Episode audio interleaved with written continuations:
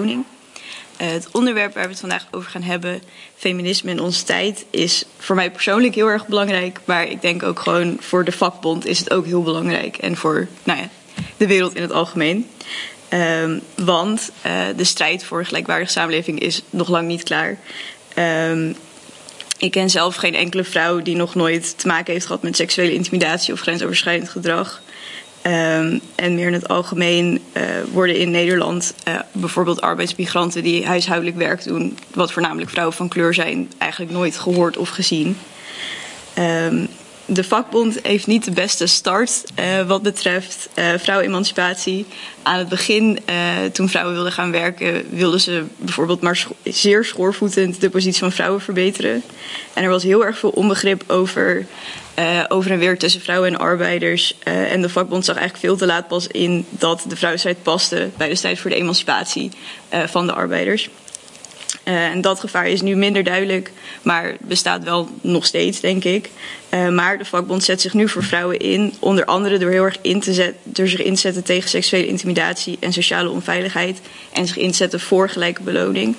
Uh, wat we hier nu concreet voor doen, dat vertel ik wat meer aan het einde van mijn praatje, maar ik ga eerst nog even iets meer onhoudelijk erop in. Um, ik denk dat voor een vakbond, uh, waarvan de kracht eigenlijk wel echt komt uit solidariteit en de gedachte samen staan we sterker, uh, moet feminisme intersectioneel zijn. Jullie weten vast allemaal wat dat is, maar ik zal het toch nog even toelichten. Uh, intersectioneel feminisme is een vorm van feminisme vanuit het uitgangspunt dat iedereen te maken heeft met verschillen op grond van bijvoorbeeld huidskleur, leeftijd en klasse. En dat de samenhang van deze verschillen zorgt voor structurele voordelen of nadelen. Uh, en intersectioneel feminisme is een term die is bedacht door uh, Kimberly Crenshaw in de jaren negentig. En wij kennen het nu misschien van Joris uh, als de zeven vinkjes, maar het komt al van veel eerder.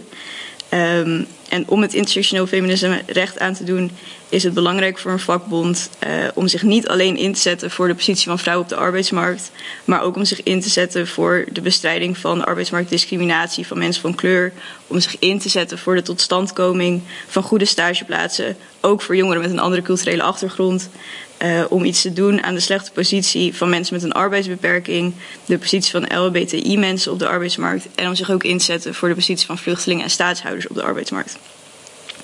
Vanuit intersectioneel feminisme is het dus belangrijk om te benadrukken dat de strijd tegen discriminatie en racisme, onderdrukking en uitbuiting eigenlijk gewoon ook hardcore vakbondswerk is. Uh, en daarbij is het dus ook belangrijk om te kijken wat er in de politiek gebeurt. Zo probeert de politiek, voornamelijk de populistische partijen, nog steeds verschillende bevolkingsgroepen tegen elkaar uit te spelen. Terwijl het juist belangrijk is om elkaar te vinden en solidair met elkaar te staan. Uh, omdat dat, denk ik, de enige manier is om echt vooruit te komen. Uh, en dat is dus wat de vakbond probeert te doen. Um, om nog even extra toe te lichten dat de vrouwenstrijd nog steeds niet, is, nog steeds niet klaar is. Een paar uh, feitjes, uh, minder leuke feitjes. Um, vrouwen zijn nog steeds oververtegenwoordigd in sectoren waar veel flex is en waar de werkdruk hoog is. Vrouwen worden vaak geconfronteerd met seksuele intimidatie en geweld op de werkvloer. Vrouwen zitten veel vaker in de bijstand. Vrouwen verdienen ook nog steeds minder dan mannen. Vrouwen worden nog steeds als hoofdverantwoordelijk beschouwd als het om de verzorging van de kinderen gaat. Um, ik weet niet of jullie het boek van Anja Meulenweld hebben gelezen, maar ik weet wel dat er afgelopen woensdag een lezing van Anja Meulenweld was uh, van Socialisten in Utrecht. Maar zij heeft in haar boek Alle moeders werken al geschreven uh, dat vrouwen moeten werken alsof ze geen kinderen hebben en hun kinderen moeten verzorgen alsof ze geen werk hebben. Um, verder zitten vrouwen nog steeds in de deeltijdklem. Uh, de kinderopvang is in Nederland maar matig geregeld en daarom werken veel vrouwen niet fulltime. Maar omdat veel vrouwen niet fulltime werken, blijft de kinderopvang matig geregeld. Uh, en daar komen we maar niet uit. Um, en tot slot blijft het aantal vrouwen in het bedrijfsleven, in de top van het bedrijfsleven achter, net als in de politiek. En er zijn natuurlijk heel erg veel groepen die hun achterstand op de arbeidsmarkt, het inkomensverschil of een ongelijke behandeling uh, met vrouwen gemeen hebben. Uh, diversiteit en inclusie, intersectionaliteit, solidariteit uh, snijden dwars door de drie hoofddoelstellingen van de FNV. En de drie hoofddoelstellingen van het FNV zijn in deze congresperiode het creëren van echte banen met een leefbaar loon, het streven naar een menswaardige maatschappij en het versterken van de FNV. Uh, en hiertoe, nu het concreet wat de FNV doet, zet de FNV zich in voor ehm, het stoppen van seksuele intimidatie en sociale veiligheid. Um, hiervoor doen we in veel verschillende sectoren onderzoek naar grensoverschrijdend gedrag, uh, waarbij we ook samenwerken met werknemers om het probleem aan te kaarten. En ook uh, bieden we uh, sinds kort omstanderstrainingen aan. Bij een omstanderstraining worden werknemers getraind op hoe ze actie kunnen ondernemen als iets met hen gebeurt. Als ze iets zien gebeuren wat te ver gaat. Dus wie kan je dan contacteren? Hoe ga je om met zo'n situatie? Um, verder heeft de FNV ook een vertrouwenstelefoon waar werknemers die slachtoffer zijn of omstander zijn naar kunnen bellen en dan verder geholpen worden met het correct maken van de melding en hoe ze actie kunnen ondernemen. Um, maar ook willen we graag bijdragen aan een cultuuromslag. Dus dat zijn eigenlijk weer symptoombestrijdingen, zeg maar zo'n meldpunt omstandigheden, maar ook willen we graag bijdragen aan hoe zorgen dat het überhaupt niet meer plaatsvindt. Um, verder zijn we ook druk bezig voor gelijke beloning. Uh, zo ben ik in mijn stage nu bezig met een onderzoek naar pay equity. En pay equity is eigenlijk een alternatief voor equal pay. En equal pay is gelijk loon voor hetzelfde werk. Pay equity is gelijk loon voor gelijkwaardig werk. Uh, waarin je dus niet alleen kijkt naar zijn de lonen tussen man en vrouw hetzelfde in dezelfde baan, maar ook wat zijn de verschillen tussen sectoren. Uh, zo is er de wet van Sulerood en die is dat zodra er meer vrouwen in een bepaalde sector gaan werken, het aanzien van de sector als geheel daalt en het salaris in die sector dan ook daalt. En dat is al meerdere keren door meerdere economen bewezen dat dat zo gebeurt. Um, en met dat onderzoek willen we dat eigenlijk aantonen dat dat ook in Nederland zo is en wat de effecten daarvan zijn. Um, en in het algemeen um, zetten we ons ook in tegen uh, discriminatie, uh, seksuele intimidatie en seksisme. Uh, door afspraken te maken bij cao's over wat werkgevers hierover moeten doen. Um, en ook zijn we dus aanwezig bij evenementen zoals de Feminist March. En organiseren we ook panels over seks seksisme op de werkvloer. Om ook te proberen om het meer bespreekbaar te maken. Um, ja, Uh, en uiteindelijk is het denk ik vooral belangrijk om te onthouden dat voor feminisme nu is de vakbond nog steeds belangrijk. Want uiteindelijk is vakbondsmacht ook een vorm van vrouwenkracht. Dat uh, was mijn introductie. Cool. nou, hartstikke goed. Dan uh, geef ik gelijk het woord. Yes. Als je de microfoon iets kan draaien. Dan... Ja. Dankjewel. Welkom. welkom um, nou, dit, dit is een heel... dit is een iets theoretischer praatje. Het gaat minder over, zeg maar wat er echt in de praktijk gebeurt. Maar misschien kunnen we daar zo nog over in, uh, in discussie. Um, ik wil het graag uh, hebben over de oorsprong van vrouwenonderdrukking. Um, als bekeken vanuit socialistische theorie. Um, vanuit die hoek wordt er namelijk beredeneerd dat uh, het ook zijn oorsprong vindt in het ontstaan van de eerste klassenmaatschappij. En dus als we kijken naar hoe de klassenmaatschappij is ontstaan, kunnen we er ook achter komen hoe het komt dat de vrouw is onderworpen aan de man. Het is namelijk zo dat uh, voor de klassenmaatschappij de mens zich uh, probeerde te ontworstelen aan zijn dierlijke bestaan. Um, en in de vroege, meest vroege samenleving uh, woonden mensen samen in stammen. En konden ze dus alleen overleven door te jagen op dieren en planten te verzamelen. En waren ze dus zeer overgeleverd aan de elementen. En nou ja, om dus te kunnen overleven was het ook noodzakelijk dat mensen zo goed mogelijk samenwerkten. En dat alle opbrengsten zeg maar, werden, werden gedeeld. Um, en door Marx en Engels wordt die vroege samenlevingsvorm het primitieve communisme genoemd. Uh, omdat er dus geen sprake was van een klassenmaatschappij. Um, er was niet één nou ja, soort van heersende klasse die productiemiddelen in handen had uh, die een werkende klasse onderdrukte. Uh, omdat er dus ook geen uh, surplus product was om toe te eigenen. Um, nou ja, dat betekent eigenlijk dat alles wat door de stam opgebracht werd, door middel van jagen en verzamelen, ook direct geconsumeerd moest worden.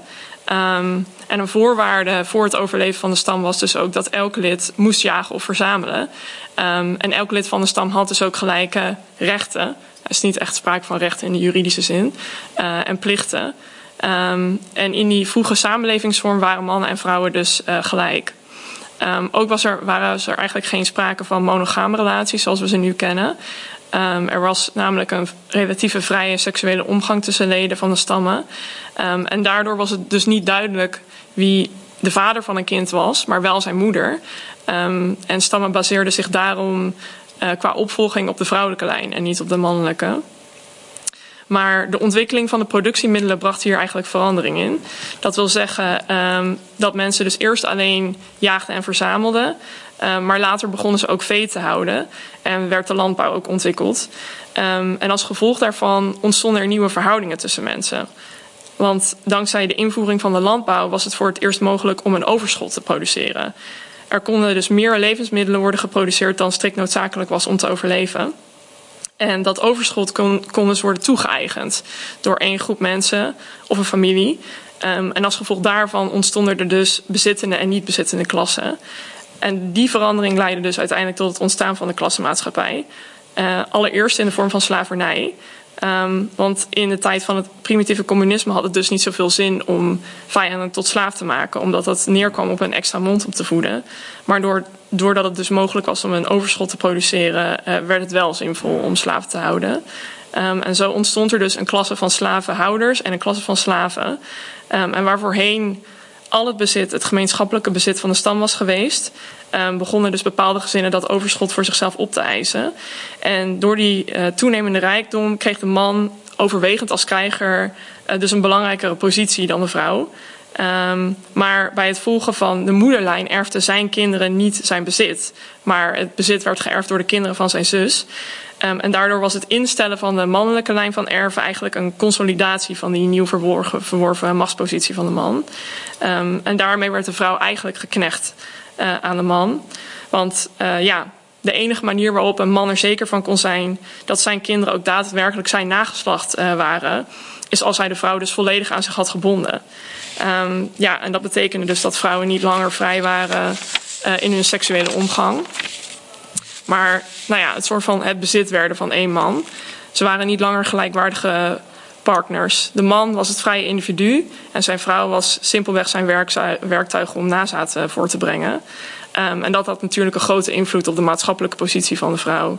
Waar vrouwen onder het primitieve communisme vrijheid hadden om deel te nemen aan het openbare leven, werden ze nu eigenlijk thuis opgesloten. Um, ja, de vrouwen van de heersende klasse hadden eigenlijk als enige taak om kinderen voor te brengen voor hun man. Um, ja, en werden uh, geacht om zich terug te trekken in huis als er vreemde mannen op bezoek waren. Maar slavenvrouwen werden geacht te werken en vielen ook nog eens ten prooi aan de mannen van de heersende klasse. Um, Engels heeft hierover geschreven in zijn boek uh, De oorsprong van het gezin, het privébezit en de staat. En daarin zegt hij dat uh, de eerste klasse tegenstelling in de geschiedenis eigenlijk samenvalt met de ontwikkeling van het antagonisme tussen man en vrouw. Um, en dat er in het enkelvoudige huwelijk uh, ja, de eerste klasonderdrukking is te vinden met de onderdrukking van het vrouwelijke geslacht door het mannelijke. Um, nou ja, de vraag is hoe kunnen we dit antagonisme overwinnen? Um, Engels benoemt in zijn boek dat de voorwaarden voor de bevrijding van de vrouw zijn dat vrouwen ten eerste deelnemen aan maatschappelijke productie en ten tweede dat het gezin als economische eenheid van de maatschappij wordt uh, afgeschaft. Um, en iets dat ik heel interessant vind is dat een concreet bewijs van een van deze voorwaarden is te zien in de ontwikkeling van het kapitalisme. Omdat de grootschalige toetreding van vrouwen tot uh, ja, de maatschappelijke productie eigenlijk onder het kapitalisme echt een enorm emanciperende werking voor vrouwen heeft gehad. Um, ja, eigenlijk onder het hoog ontwikkelde kapitalisme in vergelijking met het meer uh, vroege kunnen vrouwen autonome salaris uh, verdienen waarmee ze zelfstandig kunnen leven. Um, en daardoor hebben vrouwen in vergelijking met nou ja, 2000 jaar geleden, maar ook 200 jaar geleden, veel meer vrijheid gekregen om zich te ontwikkelen en om hun eigen keuzes te maken. Um, ja, en ook de. Um, ja, het is een beetje irritant, maar goed. Daar kunnen we niks tegen doen. Um, ook de uitvinding van voorbehoedsmiddelen natuurlijk heeft vrouwen veel meer bewegingsvrijheid uh, gegeven. Het is ook wel belangrijk om dat te noemen. Um, omdat seks niet langer voor vrouwen uh, vanzelfsprekend een zwangerschap tot gevolg heeft, zijn ze veel vrijer in hun partnerkeuze en worden ze minder snel belast uh, door de zorg van een kind. Um, maar het privégezin is natuurlijk nog steeds de standaard economische eenheid van onze maatschappij. Um, en daardoor blijven de grootste lasten binnen het gezin toch op de schouders van vrouwen vallen. Um, nou ja, vanwege het feit dat vrouwen tijdens de zwangerschap natuurlijk het kind bij zich dragen. Um, hebben ze daarna uh, als enige lang. En ze krijgen ook natuurlijk als enige langdurig verlof voor de zorg van het kind. Uh, valt de zorg daarvoor van het kind dus uh, grotendeels op de vrouw. Um, en onder het kapitalisme zijn er natuurlijk vrij weinig instellingen die een vrouw hierbij ondersteunen. En in crisistijd wordt daar natuurlijk ook dikwijls op bezuinigd. Um, en ook nemen vrouwen uh, meer van het overige huishoudelijke werk op zich. Volgens onderzoek besteden vrouwen gemiddeld 4,5 uur per dag aan huishoudelijk werk, waar dat bij mannen maar 2,5 uur is. Um, in de tweede helft van de vorige eeuw is het wel zo dat de hoeveelheid tijd die vrouwen besteden aan het huishouden met een derde is afgenomen. Dus dat is wel natuurlijk uh, een goede ontwikkeling. Uh, maar in de afgelopen decennia is dat eigenlijk uh, gelijk gebleven. Ja, um, de relatieve emanciperende werking van het kapitalisme voor vrouwen heeft dus een plafond dat feitelijk in stand gehouden wordt door de werking van het systeem zelf. En bovendien is het ook zo um, dat het kapitalisme en eigenlijk vooral de klassenmaatschappij echt een voedingsbodem is voor allerlei reactionaire ideeën over man-vrouw verhoudingen. En dat vrouwen daar eigenlijk doorgaans het slachtoffer van zijn. Um, nou ja, kijk maar in boeken van alle grote wereldreligies. Daar is allemaal wel terug te vinden dat een vrouw minder waardig is ten opzichte van een man. Um, en die ideeën worden nog steeds over de hele wereld gebruikt om allerlei uh, ja, geweld te rechtvaardigen. Um, daarnaast is het ook nog zo dat onder het kapitalisme het lichaam van de vrouw ja, echt enorm wordt geobjectificeerd. Waardoor vrouwen in bepaalde omstandigheden worden gereduceerd tot een seksobject uh, voor mannen. En eigenlijk alleen de omverwerping van het kapitalistische systeem en het gezin uh, als economische eenheid, nou ja, dat is vanzelfsprekend dat dat ook zal ophouden met bestaan. Kan een einde maken aan vrouwenonderdrukking de opvoeding van kinderen en schoonmaken en dat soort dingen moet eigenlijk een maatschappelijke verantwoordelijkheid zijn. Die niet rust op de schouders van een individuele vrouw. Um, ja, de productiemiddelen moeten ten dienste worden gesteld van de hele mensheid in plaats van het winstbejag van een kleine groep. Um, en de enige manier om daar een einde aan te maken is dus door een revolutie van de arbeidersklasse.